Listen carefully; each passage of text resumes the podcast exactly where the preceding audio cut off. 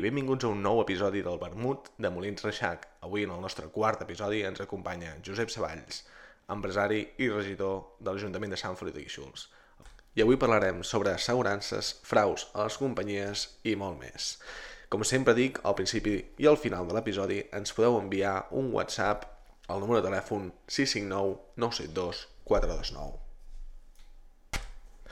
Bona tarda, Josep. Què tal? Com estem? Molt bé, gràcies per convidar-me. No faltaria més, gràcies per venir. Vale, doncs eh, comencem ja directament amb l'episodi d'avui i parla una mica del teu origen, la teva trajectòria, activitat professional. Bé, nosaltres som... Jo sóc, de fet, originari de la Bisbal, estic aquí...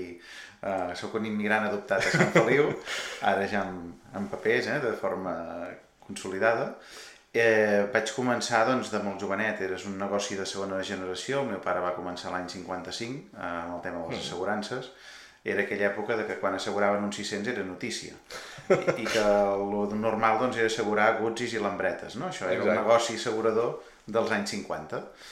Eh, el meu pare era molt més gran que jo, em van tenir doncs, de, que els meus pares eren grans i quan jo vaig arribar al negoci, que jo devia tenir 17-18 anys, el meu pare doncs, ja estava als 70, no? Per tant, Clar. el salt generacional era molt, molt gran. Clar. Però mm, jo vaig ser molt sincer, eh? Vaig dir al meu pare, mira, no perdem el temps, mm. a mi estudiar no m'agrada, a mi m'agrada treballar.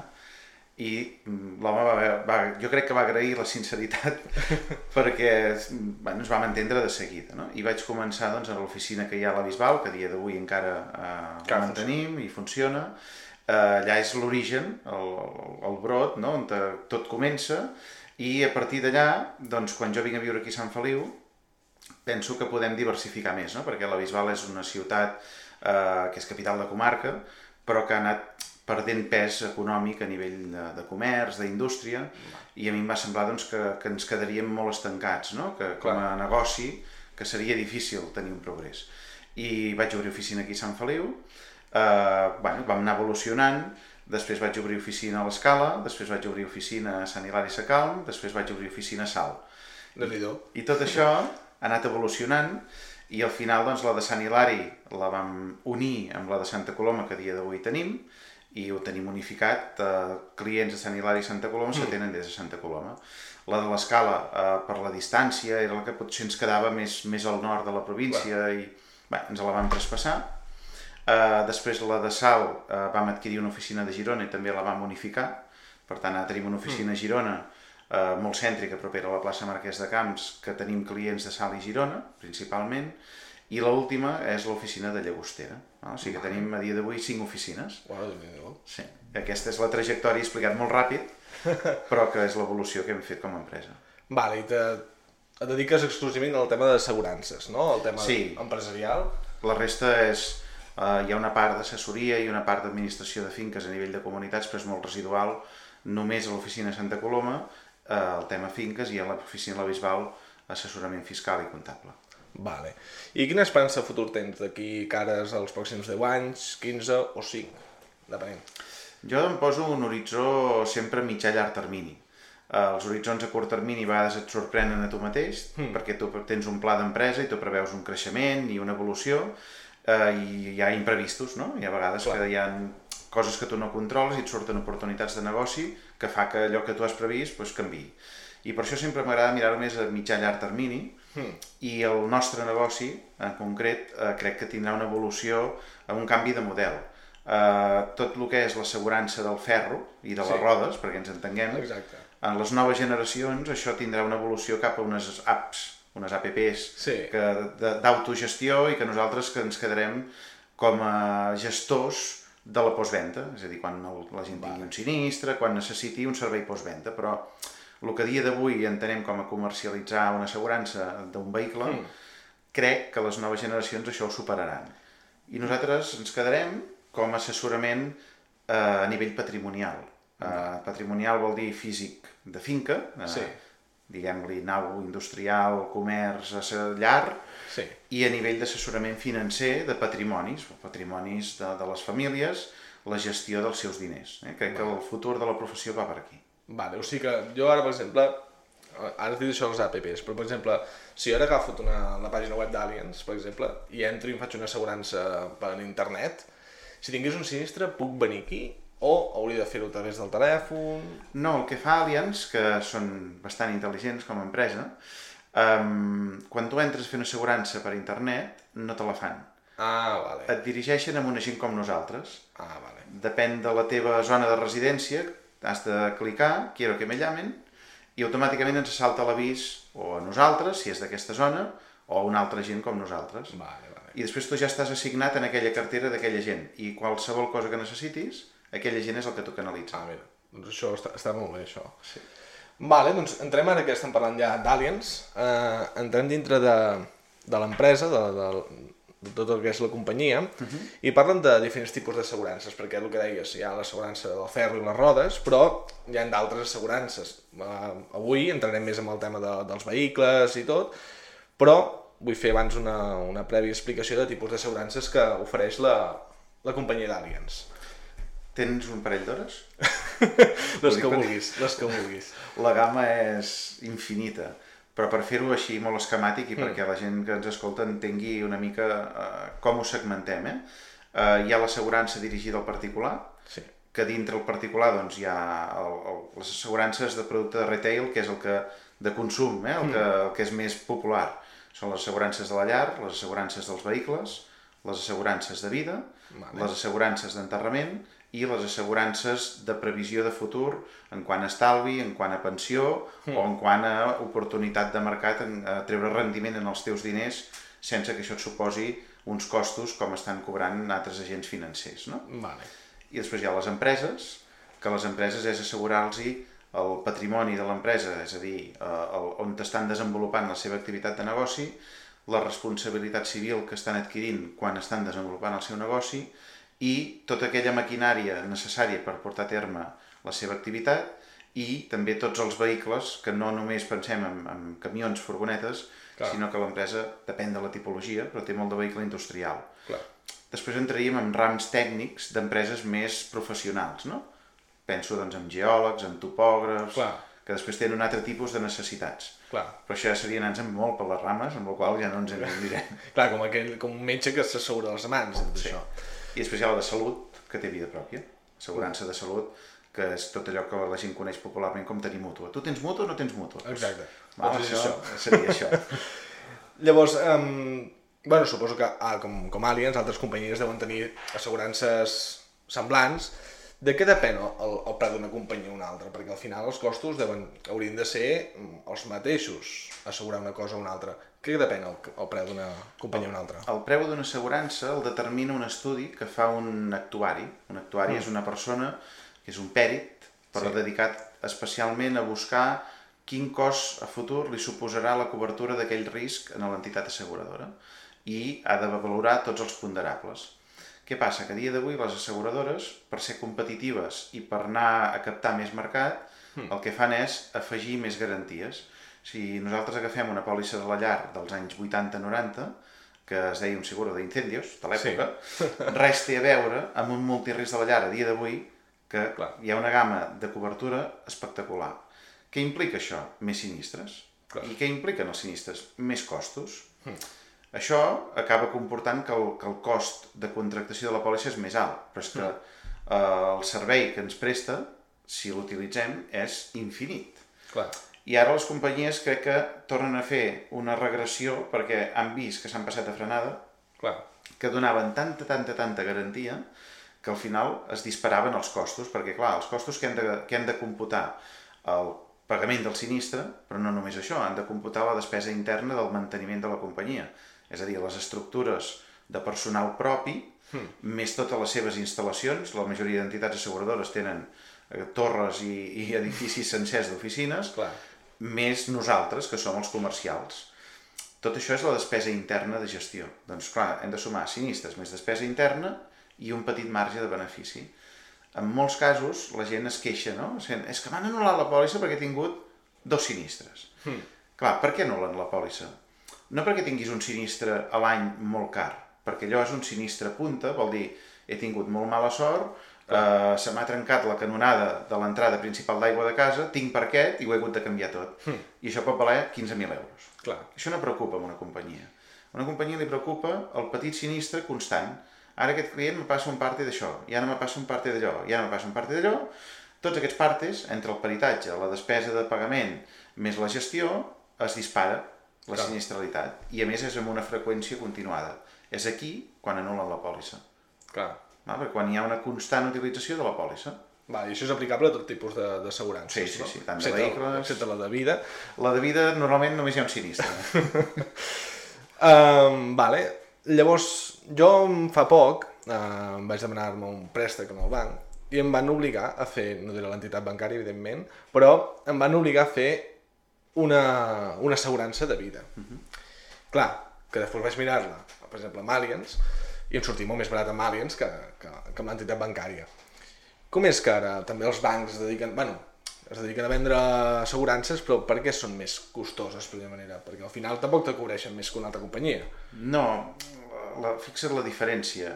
Eh, nosaltres hem de vendre l'assegurança i l'hem d'explicar molt bé i hem d'explicar les garanties. En el teu cas, no era una opció per tu. Si Clar. volies el préstec, havies de passar pel tubo i contractar l'assegurança. Correcte, sí. Clar, eh, ells no han d'explicar-te eh, tot allò bo que té aquella assegurança. Eh, és un xantatge. Si tu vols préstec, passa pel tubo. Correcte. Nosaltres no fem cap xantatge, ni el volem fer, però no tenim cap eina eh, comercial en el mercat en el qual un client li puguem obligar a contractar un producte si vol que n'hi facilitem un altre. Hmm. Això ens obliga a ser molt incisius, a, a treballar en els nostres propis clients, detectar quan tenen pòlisses amb entitat bancària, perquè quan els hi fem una contraoferta, les garanties i el preu són abismals la diferència, però després es tracta del lligam que tenen amb aquella entitat i si se'n poden desfer, que això és anticonstitucional total, mm. però costa molt que les associacions de consumidors puguin treure a la llum totes les irregularitats que està fent la banca en aquest sector. Clar, és que, per exemple, van dir... Jo els vaig preguntar, jo, bueno, inconscient de, de mi, li vaig preguntar, clar, si pago el préstec, vull dir, si l'amortitzo, haig de continuar pagant la- l'assegurança? Em diu, sí, sí, 15 euros cada mes durant 3 anys. I dic, bueno...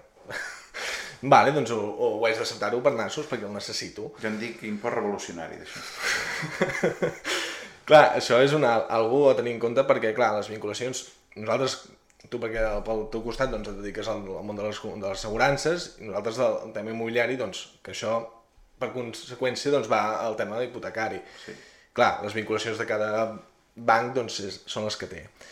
Val, doncs una cosa que hem parlat abans del tema de les apps i el tema de l'evolució i el futur de les companyies d'assegurances, ara se comença a veure assegurances de que, com te deia, de- d'aquestes que entres a la pàgina web i contractes directament l'assegurança. Poses el, bueno, el matriculat del cotxe o el que sigui i te diu, te calcula l'assegurança que, que toca.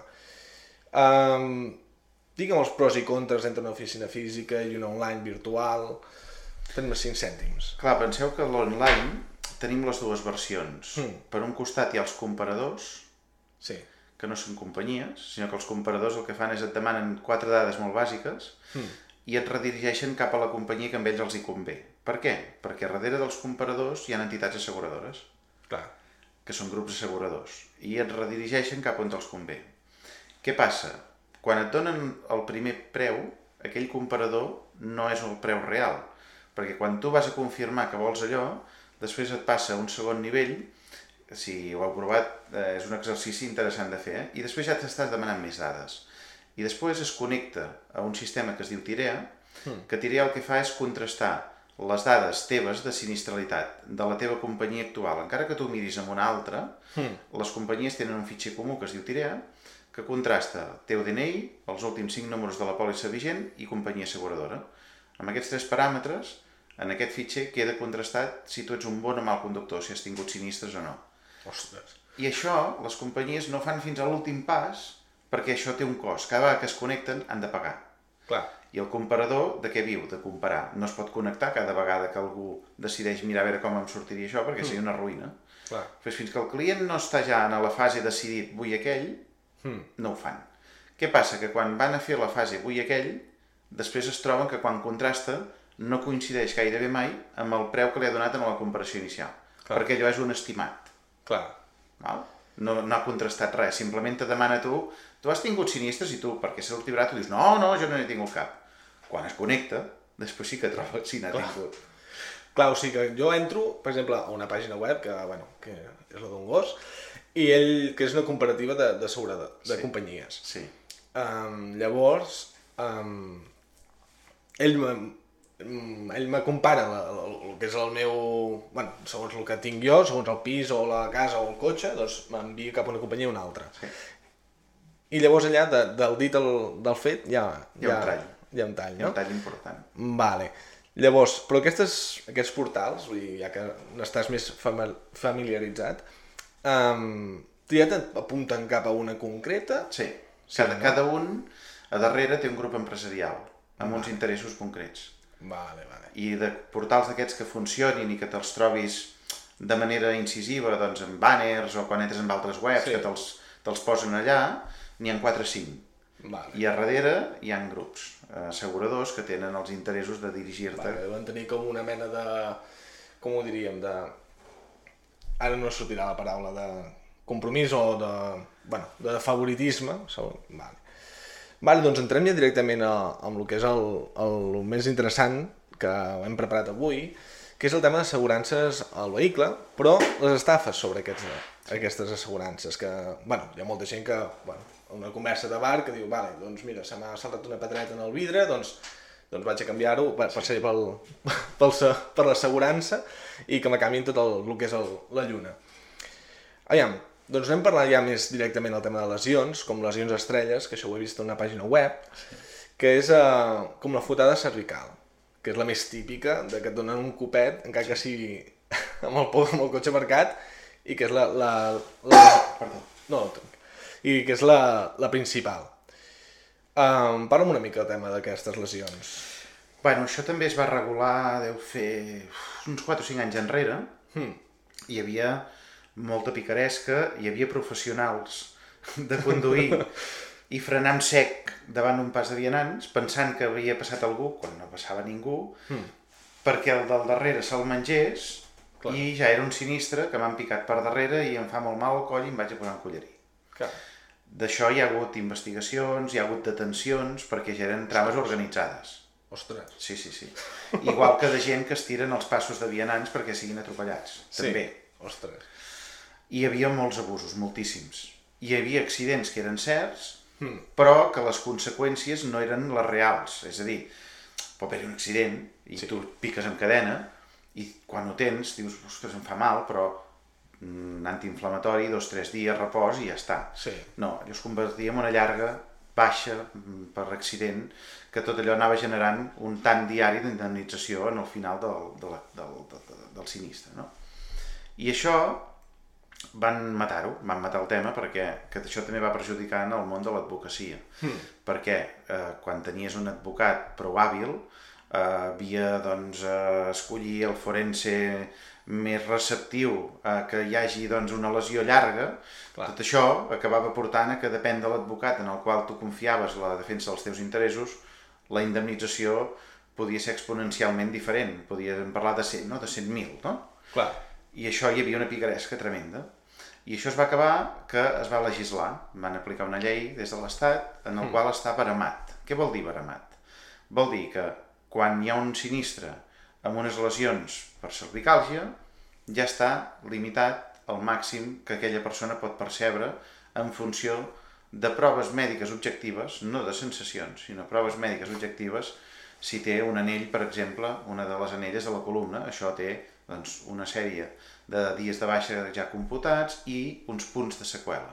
Perquè els punts de seqüela, que és el que els forenses fan l'informe, anaven a raig. Clar. Ara això s'ha acabat. Ara està molt pautat. Ara és molt difícil que hi hagi una diferència d'indemnització entre un cas i un altre. Clar. Val? Està molt, molt... I en molts casos fins i tot ja no arriben a judici, es resolen més ràpid.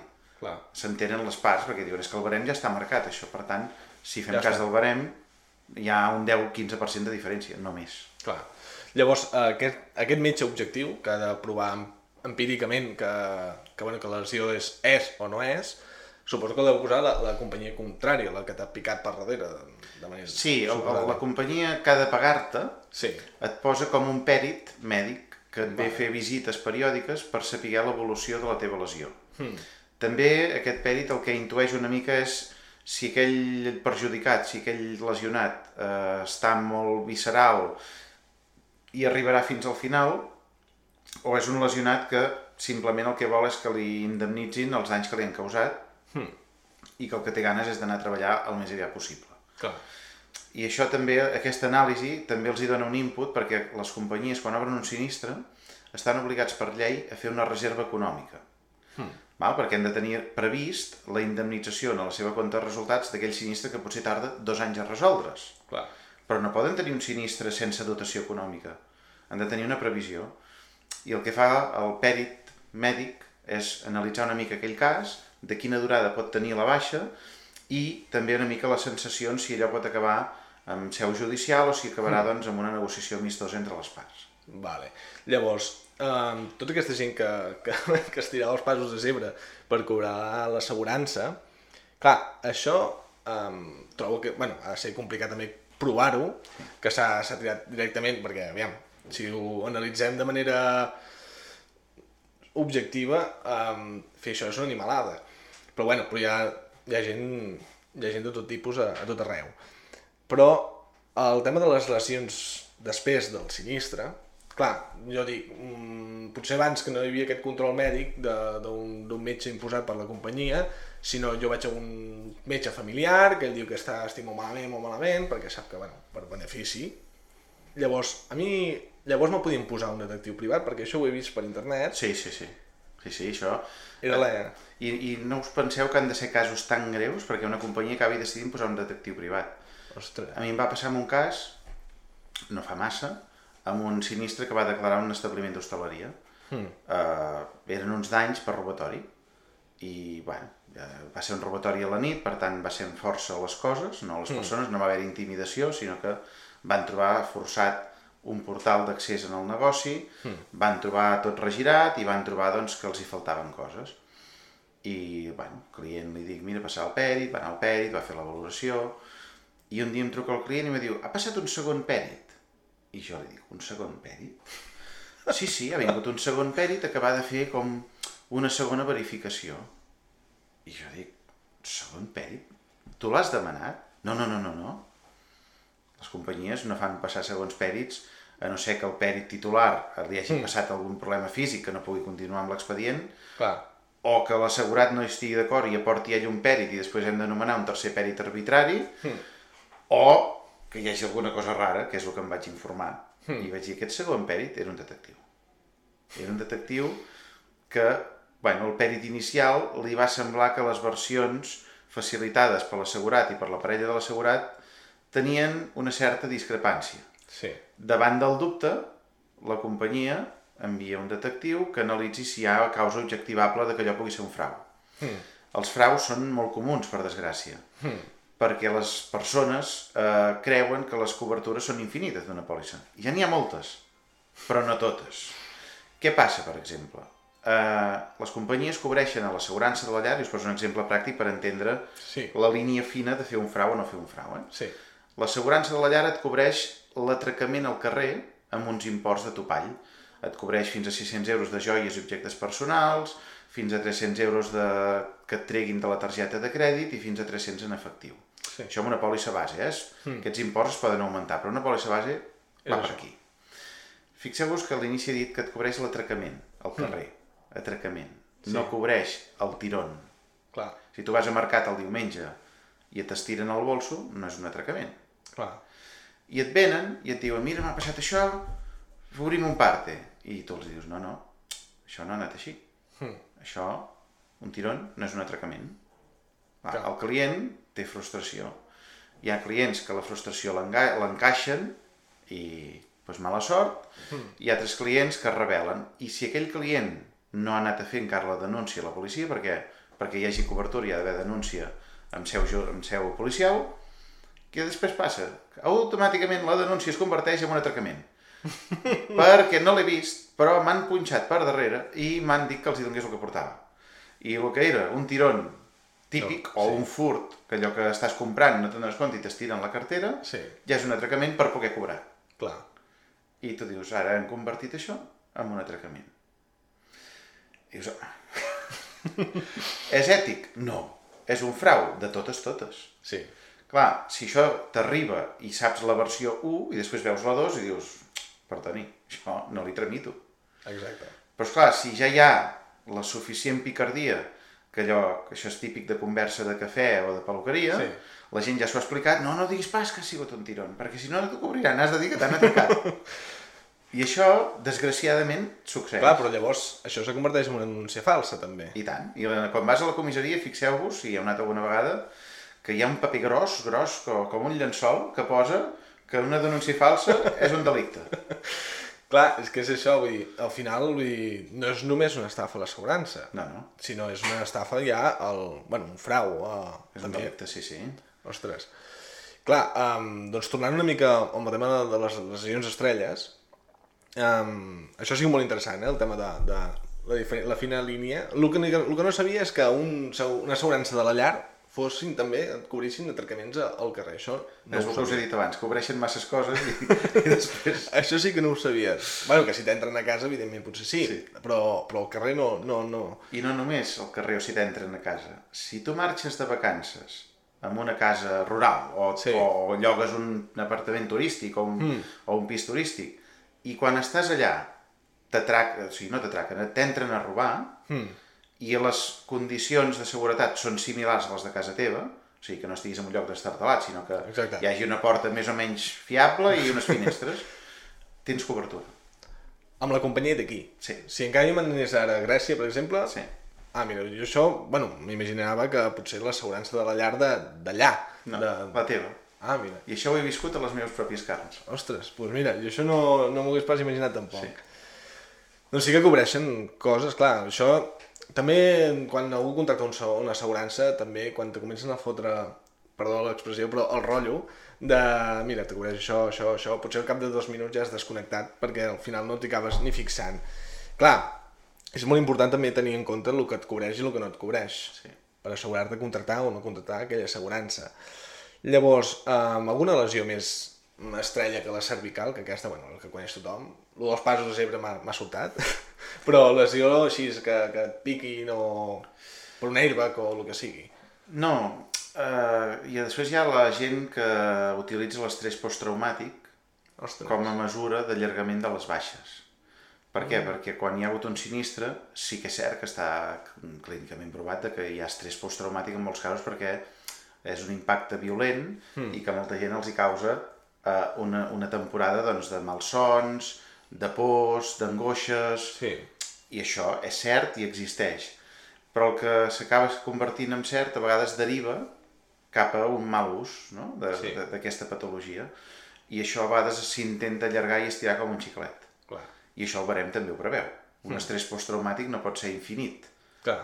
Eh? Aquest estrès posttraumàtic després inclús pot derivar en un episodi de, de depressió. Hmm. Però després ja és un altre tractament. No, no, no. L'accident arriba fins on t'arriba. Hmm. I això també se'n fa un mal ús. I amb el tema dels passos de vianants, que direu, i la companyia com detecta que s'hi ha tirat i que no ha sigut un accident, és un tema de que l'avaricia rompe el saco, no? Sí. I que quan en l'historial d'aquella persona veus que l'han atropellat quatre vegades amb un pas de vianants, alguna cosa et pot fer pensar que no és casualitat. Home, és- és- una vegada pot ser, dos i és mala llet, però, però quatre i és, i és bici, no? Que en diem. Mireu, en les assegurances de negocis hi ha una, hi ha una cobertura, que és l'atracament, eh, quan tu estàs sortint del teu local de negoci i vas a ingressar els fondos que has recollit de, dels teus clients a l'entitat bancària. O sigui, el transport de diner des del teu negoci fins al banc, ara diguem caixer, perquè el banc ja no ens volen, ens ho fan ingressar pel caixer, Exacte. eh, això està cobert. I ens vam trobar amb un cas que el primer cop va passar, jo crec que era cert, Hmm.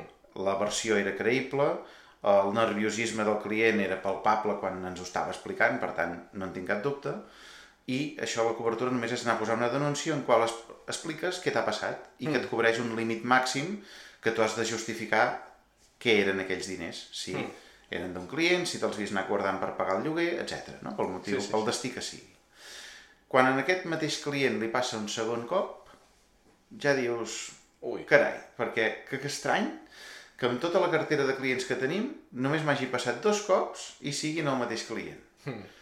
T'ho explica d'una manera prou verosímil i dius, bueno, potser com que el primer cop els hi va sortir bé en el lladre parlo, Sí. potser era el segon cop el mateix lladre que va dir, calla, que pillarem altra vegada. Exacte. Però és que quan ve el tercer cop, el mateix client, amb el mateix modus operandi, Clar. ja dius, calla, que ara poder el quinqui no és el lladre, sinó que és el client. Mira com va anar el tema, que un dia jo estava a l'oficina i venen dos nois a parlar amb mi, demanen per mi, se senten al despatx i me treuen la placa, mi som Mossos d'Esquadra, venim a investigar un cas. I jo dic, no m'ho digui, el de la botiga que l'han robat tres vegades la, la recaptació. I diu, com ho sap? És que és l'únic cop que m'ha passat. és l'únic client. Ostres. Clar, és que dues vegades és veritat que si el lladre li surt bé, si li sortís malament segur que no m'intentaria un altre cop, però, però també tu, si veus que t'ha passat un cop, també vas una Canvies mica més... manera de fer, o vas més al tanto... Exacte, vas per un altre carrer, o vas acompanyat, o, o el que sigui. Ostres, clar, és el que dèiem, una vegada pot ser, dos també, però tres ja, ja és vici. Vale, doncs eh, això que estem dient de la invenció o exageració dels danys, vull dir, és aplicable no només al vehicle, sinó a tot tipus de- d'assegurances. Uh -huh. Vale, doncs passem al, al tema de pressupost augmentat, perquè això també és una cosa que, a part del metge que te diu, mira, doncs t'ha passat això, mm, digues, mira, te dic que estaràs tres mesos, tres setmanes de baixa i que t'ho cobreixi l'assegurança. Doncs també que et trobis un mecànic de molta confiança que te faci el mateix, però amb els nens del cotxe. Que jo que sé, que te donen per un, pel costat dret del cotxe i tens un bony al de l'esquerra. Doncs que te canvia la porta, les dues portes, quan només t'ha afectat en una. Clar, això és també molt habitual actualment o ja no tant? No, això va haver una època eh, que la gent ho intentava molt quan tenia un sinistre sol, Hmm. no tenia l'assegurança a tot risc, es donava contra, jo que sé, una paret, eh, un camió, el camió no passava res, deia, va, tira, però esclar, tot jo tinc el cotxe aixafat. Què buscaven? Un amic, company conegut, amb prou confiança per dir, digue'm que m'has picat, Ah. jo ja et pagaré la diferència del que te posin d'increment per perdre la bonificació, però fem un parte i així a mi m'ho pagaran. Hmm. Això va haver una època que es va convertir en, un, en una manera de fer preocupant, mm. perquè passava molt. Va arribar un punt que els pedis es van especialitzar moltíssim. I va arribar un punt de que després feien anar els dos vehicles i els comparaven, feien que els posessin segons el client havia escrit en el parte com havia sigut, Hmm. i en un 90 i pico per cent de casos demostraven que allò era un frau. Ostres. Davant d'això, jo crec que també al final la gent és una pràctica que ha deixat de fer. Hmm. Però que els mecànics intervinguin i participin, jo no conec cap cas. Va. Perquè al final penseu que els mecànics, eh, una part important, sobretot planxistes, eh, no tant de mecànica, sinó Sí. de planxa i pintura, una part molt important de la seva facturació depèn de les asseguradores. Va. Que aquestes asseguradores controlen el, el, la gestió d'aquest sinistre, d'aquesta reparació, mitjançant pèrits. Que aquests pèrits hi van, no diré cada dia, però sí dia per altre. I al final el mecànic no se la jugarà per un cas i quedar tacat amb una denúncia Clar. per una col·laboració amb un frau, amb un pèrit que hi té relació freqüent. No ho faran. És que no, no, no, no, no els hi sortiria a compte. Vai. I això jo no en conec cap cas. Eh? Que no és tant el, me- el mecànic o el planxista, sinó és el, més el, el client. Sí. Clar, per exemple, en una situació que jo, per exemple, estic aparcant a casa i tinc el cotxe al meu part davant i sense voler li, li dono un cop, clar, i fem un parte, Quedarà exclòs. no és un parte real, això? Sí, Sí, una és un parte real, altra. però no us quedarà cobert perquè està expressament exclòs les col·lisions entre convivents. Ah, amic. Però si jo no visc a casa... No, també busquen Ah, cognoms. nucli familiar. Sí. Vale, dintre el mateix nucli de familiar. Sí. Clar, dic, més que res, clar, bueno, que, és- que en veritat seria un parte com real, no? Per exemple, que si ara, per exemple, vaig, pujo un carrer i just m'ha tregut el meu pare de cares i ens donem un cop, doncs mira, mm, fem un parte perquè, clar, si culpa meva, doncs jo tinc l'assegurança amb el nom i tu tens la teva. Clar, llavors aquí també estaria exclòs, no? Clar, aquí paguen justos per pecadors. Per què? El més fàcil era fer un part amb el de casa. Hmm. Les companyies van optar per excloure tot allò que hi hagués entre familiars. Vale. Vale, bueno, això és el que dius, paguen justos per pecadors. Sí. Llavors, quines conseqüències porta fer un parte, bueno, o el parte que se'n diu comúment, um, fals? Pot portar conseqüències penals. Hmm. Eh, també és cert que s'ha de provar. O sigui, la, la companyia pot intuir que allò és un frau i si ho intueix, eh, el que fa és denegar el pagament del sinistre. Vale. Normalment es queda aquí. Hmm. Si el client s'enfada molt, perquè clar, quan s'enfada molt, pot ser dos coses, o que realment sigui cert i que els indicis de la companyia siguin equivocats, mm. o que el client continuï creient-se la seva pròpia mentida i ho defensi fins a la mort per tal de no ser descobert. Mm. Jo m'he trobat de tot. En els 25 anys, de, no, 26 ja de professió que porto. Què pot passar aquí? Bueno, mm, la companyia no avança més si no té unes proves molt contundents per mm. anar contra aquella persona. Jo ho he vist. Mm. I ho han guanyat. I en aquella persona l'han condemnat. I ha hagut de pagar una multa i és una pena petita de presó, perquè al final són uns danys materials. Sí. Però ha passat. Per mm. què? Perquè al final és qui pot més. Clar, penseu que una asseguradora té una bateria d'advocats en plantilla eh, que estan treballant cada dia, sí, més que en particular avançar amb un advocat li genera uns costos que, Clar. que una empresa gran no té, no? Mm. bueno, al final és... La gent haurien de ser conscients de que, vale, ho he intentat, no m'ha sortit bé, doncs me retiro i me'n vaig. No. Mm. Hi ha, hi ha gent que són molt tossuts i ho porten fins a l'extrem. I, clar, si, si les proves són molt contundents, l'asseguradora no pararà. Anirà fins a l'extrem. Vale, clar i els que hi són pel mig és molt incòmode. Clar, els que té, el que té més a perdre doncs, és el, el, el particular, evidentment. Sí. Um, però, per exemple, si fos real, que s'equivoca realment l'asseguradora perquè, o perquè el pèrit aquell dia doncs, es, tenia un mal dia i, i no s'hi va sí, fixar sí, sí, bé, o, o el que sí, perquè sempre hi ha un factor humà, això sí. no, és, un, no és un robot.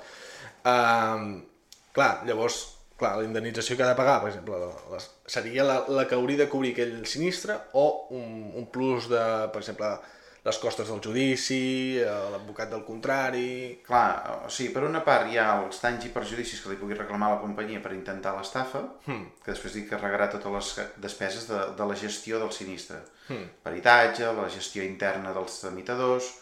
Hi ha, hi ha tot un seguit de despesa amb la tramitació. Això és per una banda. L'altra banda és, si fan un pas més, hi ha una denúncia penal per estafa contra aquell client. Clar.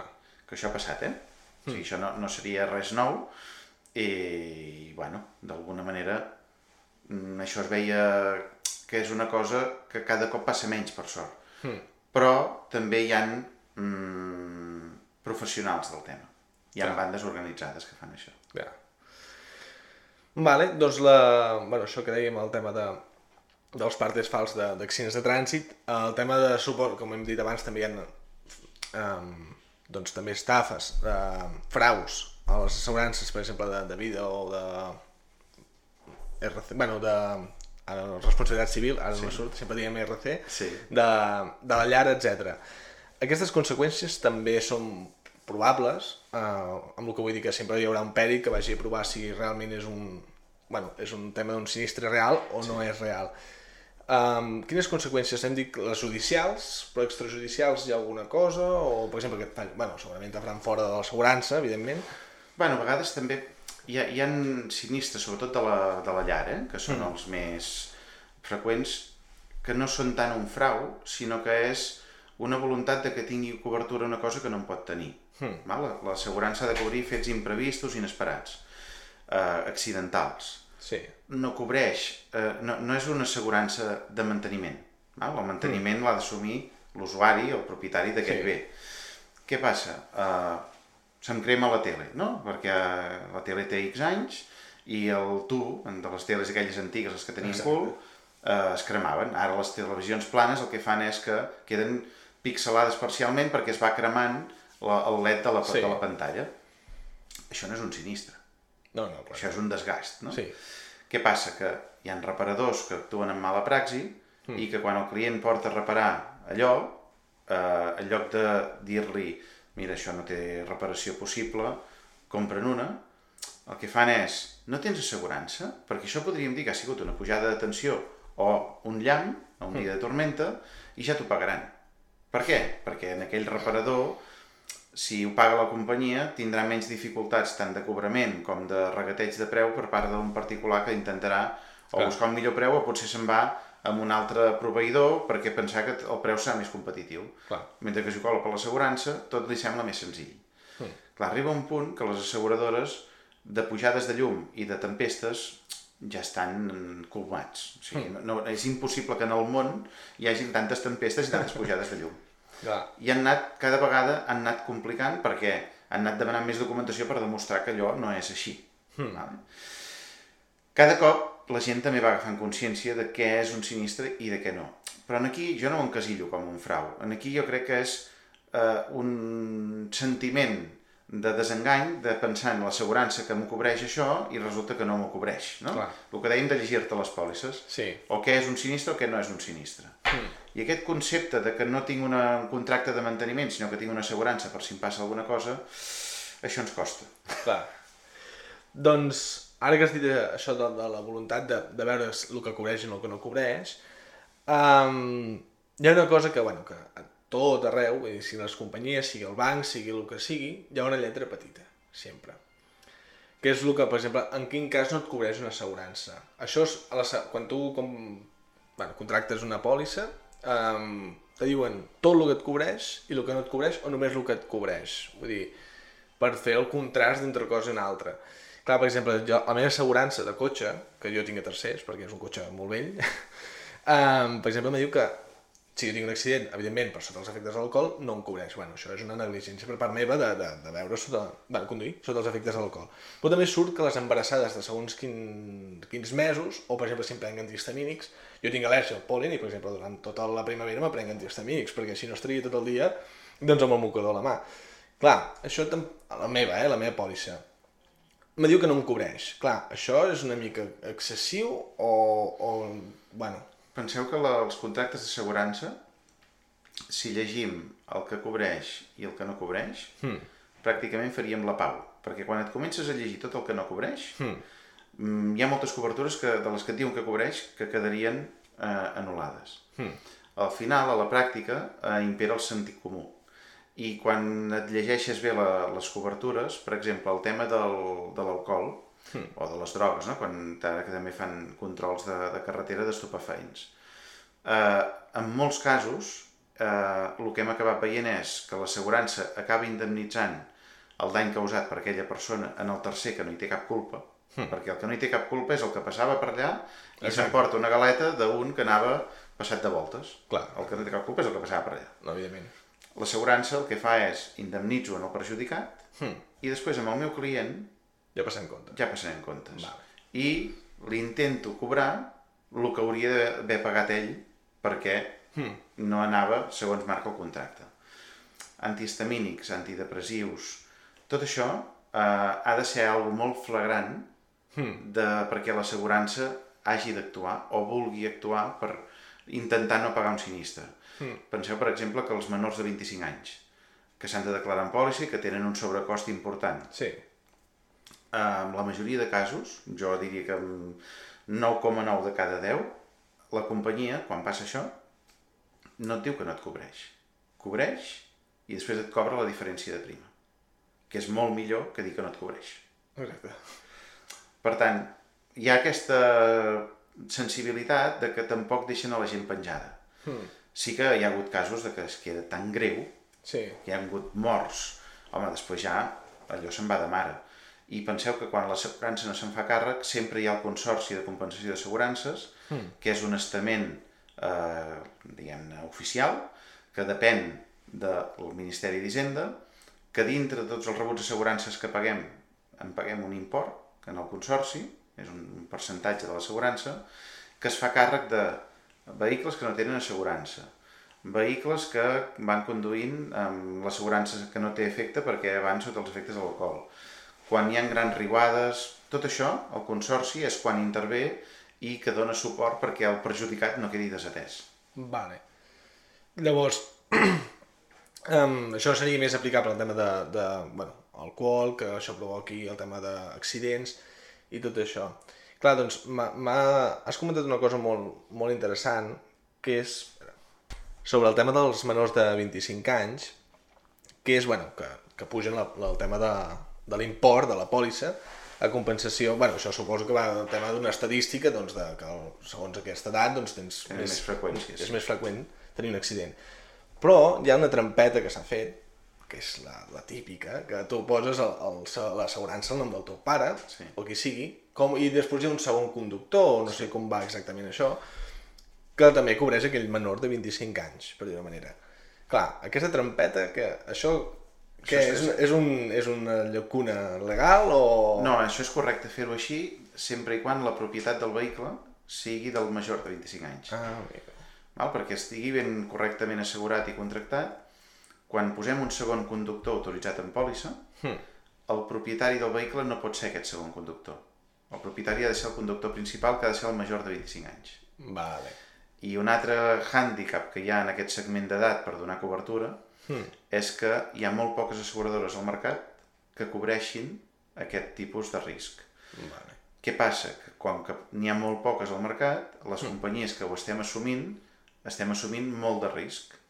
Per què? Perquè hi ha molta més freqüència eh, d'estadística pura i dura i objectiva. Eh? Eh, fins als 25 anys, sigui per inexperiència, sigui perquè ens falta un pèl de seny encara, eh, eh, motius X, eh, hi ha una freqüència sinistral molt més alta Sí. que la franja d'edat de partir dels 30.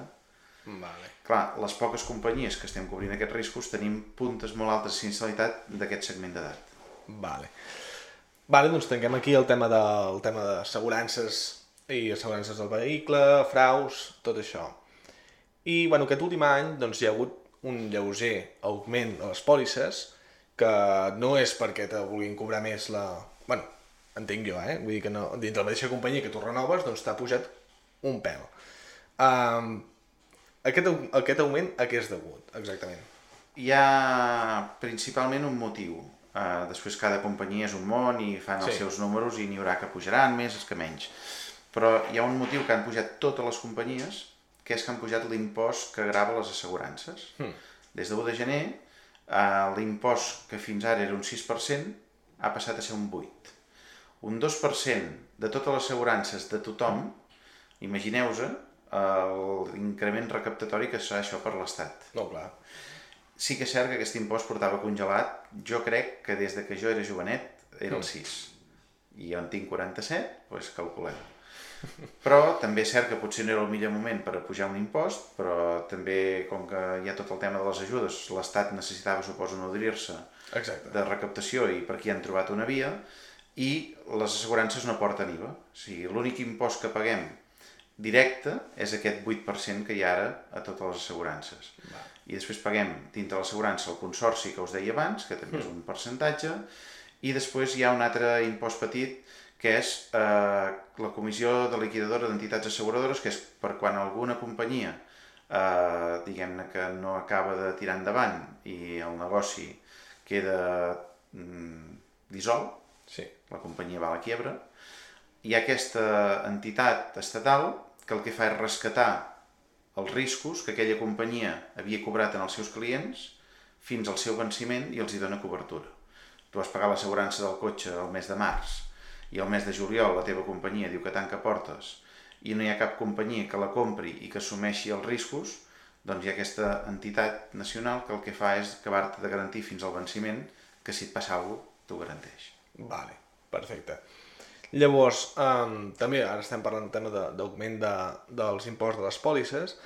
Um, quan fas, quan fem diversos partes a l'any, per exemple, que siguin reals, eh? no oblidem del tema de fraus i tot això, sí. però que siguin reals perquè mira, tens mala sort, perquè bueno, cada, cada un té la sort que té. Um, L'any següent te l'augmenten o directament no te'l renoven. Depèn del número de sinistres. Fins a dos sinistres hi ha, una, hi ha un augment de la prima. Hmm. Si és un sinistre i un vidre, també. Si són dos sinistres de culpa, hi haurà proposta d'anul·lació segura d'aquella pòlissa. I després la companyia valora, en funció del DNI o del CIF d'aquell client, les altres pòlisses que té contractades i en funció del resultat de la resta decideix si anul·la o no anul·la. Perquè si és un client integral, integral vol dir que té la majoria de riscos contractats en aquella entitat, després la ponderació de sumar totes les primes Clar. segurament farà que sigui encara un bon client. Que no sigui el millor client, però que no sigui un mal client. Exacte. Per això és important concentrar. Per què? Perquè si els atens un aquí, un allà, l'altre allà, l'altre allà, acabes que no concentres i que quan tens sinistres t'acabaran anul·lant la pòlissa de per tot. Mm. Que després, en allò que us explicava, que contrasten les dades de la teva, eh, el teu historial de bonificació, sortiràs que ets un mal client. Sí, Sí, eh, per... estàs tatxat per tot. estàs tatxat. I això té una, una caducitat o és... Jo Sí, crec que dura ben bé 4 o 5 anys, eh? Ostres, Sí. déu nhi Fins que dona temps a tornar a demostrar que durant un període llarg de temps no has tingut episodis de sinistralitat. Clar, per exemple, si ara, per exemple, tinc una casa amb el meu garatge tancat i tot, i tinc un incendi. Se'n crema la casa, el cotxe, tot el contingut que tinc a la casa. Clar, això és un únic parte, eh, són dos partes, tres... Um, clar, això significa que, per exemple, porto 20 anys amb la mateixa assegurança, suposem. Um, que és molt, molt imaginar, però sí, que seria, fos... Seria el desitjable. seria el desitjable. Però fos aquest el cas. I clar, em passa això, que és una, desgrà una desgràcia brutal. Um, clar, l'any que ve me faran fora, o entendran que ha sigut un, algo fortuït. Si és un sinistre punta, normalment les companyies no anulen la pòlissa perquè és un sinistre punta. Va. El que van a perseguir i a treure de la seva cartera de clients són aquelles pòlisses que tenen una continuïtat hmm. amb un, dos anys que hi ha una freqüència molt alta. Vale. Perquè potser són imports petits, però és una persona que està fent un mal ús de la pòlissa. Està anant a voler amortitzar aquella pòlissa. Exacte. I és el que... Bueno, el, el que comentàvem abans. Sí. Vale, doncs uh, tanquem aquí el tema de, de les assegurances.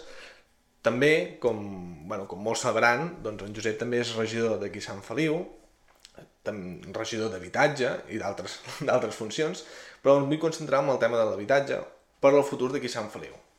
Eh, bueno, regidor d'aquí Sant Feliu, eh, que no ho he sí. dit això. doncs, um, quin serà el futur de l'habitatge aquí a Sant Feliu de Guíxols? En aquí tenim, un, tenim diverses casuístiques que ens fan un municipi peculiar. Per una banda tenim un terme municipal amb poca dimensió, si mm. ens comparem, per exemple, amb els veïns de Santa Cristina d'Aro, Sant Cristina té un terme municipal molt gran, mm. Que això li permet desenvolupar sectors i que preveure un creixement d'habitatges a futur. Mm. Nosaltres estem molt acotats eh, en quant a territori, per tant això ens dona una expectativa de creixement reduïda que ve marcat pel Pla General del 2006 mm. i que amb aquests nous eh, plans que s'han anat aprovant a futur, que, que ara l'últim és el Pla Director del Litoral Gironí, que com sabeu doncs, ha anat acotant les zones de creixement, eh, tot allò que són pendents de més del 20% no es pot edificar, tot allò que sigui un impacte paisatgístic tampoc, per tant, eh, l'expectativa futur és de regressió i no de creixement. Hmm. Per tant, com a municipi, tenim un problema greu perquè també hi hem d'afegir els habitatges d'ús turístic. L'habitatge d'ús turístic que s'utilitza eh, per una finalitat que ens va molt bé pel sector economia nostra, en aquest cas de temporada, però que per l'altre costat ens està perjudicant en generar habitatge per gent jove, per gent gran, habitatge de lloguer social, el que seria, en una paraula, l'habitatge públic. No? Que, mm. que pugui tenir accés persones que no poden tenir accés en l'habitatge privat Clar. perquè se'ls se hi escapa dels seus paràmetres econòmics. Per tant, aquí ens queda una feina importantíssima per fer de generar habitatge públic dintre les possibilitats de creixement que tenim. En aquí anem de la mà de l'Agència de l'Habitatge de Catalunya perquè el que és la gestió d'habitatge, les competències no són del municipi, són de la Generalitat, mm. però sí que al municipi tenim l'obligació, i estem en això, d'insistir i persistir a que l'agència de l'habitatge vingui a donar solucions al municipi. Per tant, ens eh, estem ara, amb, esperem amb uns dos anys vista, que siguem capaços de generar com a mínim eh, dos pols importants de nous habitatges públics, de parc públic de lloguer de lloguer o de, de compra fins i tot. Sí. Però que la gent es pugui apuntar i que tinguin la possibilitat de que entrant en un sorteig, tenint en compte les seves circumstàncies personals, nivell de renda, fills a càrrec, eh, hi ha tota una ponderació mm. de, en funció de cada circumstància personal de cada persona que li donaran uns punts i que després, si són persones amb igualtat, anirem a sorteig en funció del nombre d'habitatges que hi hagi. Clar. I aquest és l'objectiu que com a municipi ens hem de posar generar habitatge per la gent que no hi té accés i que no hagin de marxar de Sant Feliu hmm. perquè no els hi puguem donar resposta. Clar, perquè al final condenarem que els altres pobles siguin pobles dormitori, per manera. Exactament. Clar, eh, és veritat que Sant Feliu com a territori eh, és petit, en comparació amb Santa Cristina, que no sé si és dels pobles més grans de, com a ter territori. És, gran, sí. és un dels més grans de Catalunya, sembla mentida, però, però és així. Clar, la població creix, però l'espai no. L'espai és reduït. Clar, perquè anar al bosc aquí, de, aquí pujar les penyes i, i tallar arbres no, es pot, no pot ser això. Seria que no. vale, doncs uh, acabem aquí el tema de l'episodi d'avui, però sempre al final, que, bueno, que molta gent no s'ho creu, que és una pregunta sorpresa, però de, de veritat que és sorpresa aquesta pregunta, Um, tens alguna pregunta per mi sobre qualsevol tema, tema assegurances o el que sigui? És lliure pregunta. Sí, quan tu estudiaves, Ui, eh, allò que vull ser quan sigui gran, sí.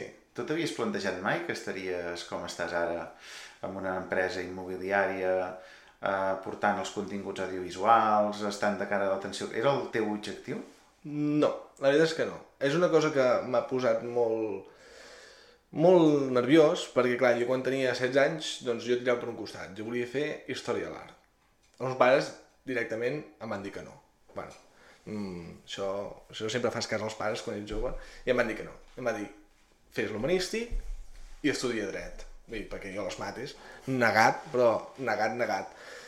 Vale, doncs vaig a, vaig a estudiar dret. Vale, doncs faig l'humanístic, em apunto dret i vaig fer dos, tres anys, bueno, primer vaig fer polítiques, després dret, i sincerament um, no m'agradava i dic, és que aquí sortirem 200 persones cada any com a advocats i no hi ha prou negoci per tothom. I no em va agradar, no em va agradar, em vaig, em vaig desfer i dic, mira, mmm, treballa, volta una mica i sempre tens, estàs a temps de tornar a estudiar una altra carrera o, o, o el que t'agradi realment. Um, la veritat és que no m'imaginava pas de- d'entrar dintre del món immobiliari perquè no, a casa ningú s'ha dedicat a això, perquè meu pare era barber i la meva mare, doncs, també empresària de, en el món del suro.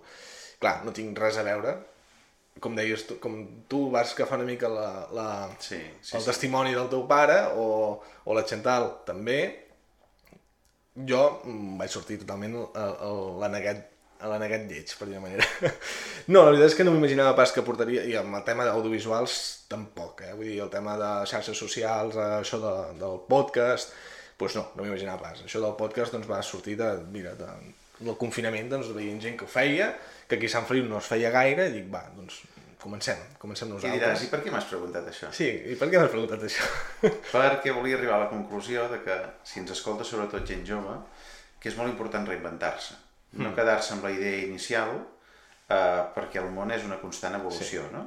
I en el cas nostre, el món de l'assegurança, si no ens reinventem i si no som capaços de transmetre contingut digital i estar molt presents a les xarxes Sí. i vendre-ho d'una manera molt intuïtiva, Sí. eh, les generacions futures eh, canviaran de registre. No, No, no, no ens podem quedar anclats en el passat. No, hem hem de créixer amb el que creix la, la tecnologia i també la, la societat. I és molt important això, que la gent jove reinventi, que no es quedin amb la idea inicial Hmm. de que jo és que sempre havia volgut fer això perquè potser allò no era el, el correcte o no és on tindràs més habilitats o més aptituds. No? Exacte. No, però és que també és un, és un nido de frustracions, això, perquè clar, dius, jo de petit volia ser policia i no entro per el que sigui, perquè, bueno, són proves dures i, i psicotec les psicotècniques també són dures, i això te crea una frustració i una depressió important. Sí. Jo crec que els somnis han de ser de curt termini. De d'aquí a 5 anys, doncs vull, jo què sé, tenir fills, vull tenir el meu, el meu propi pis de compra, o el que sigui, i, i anar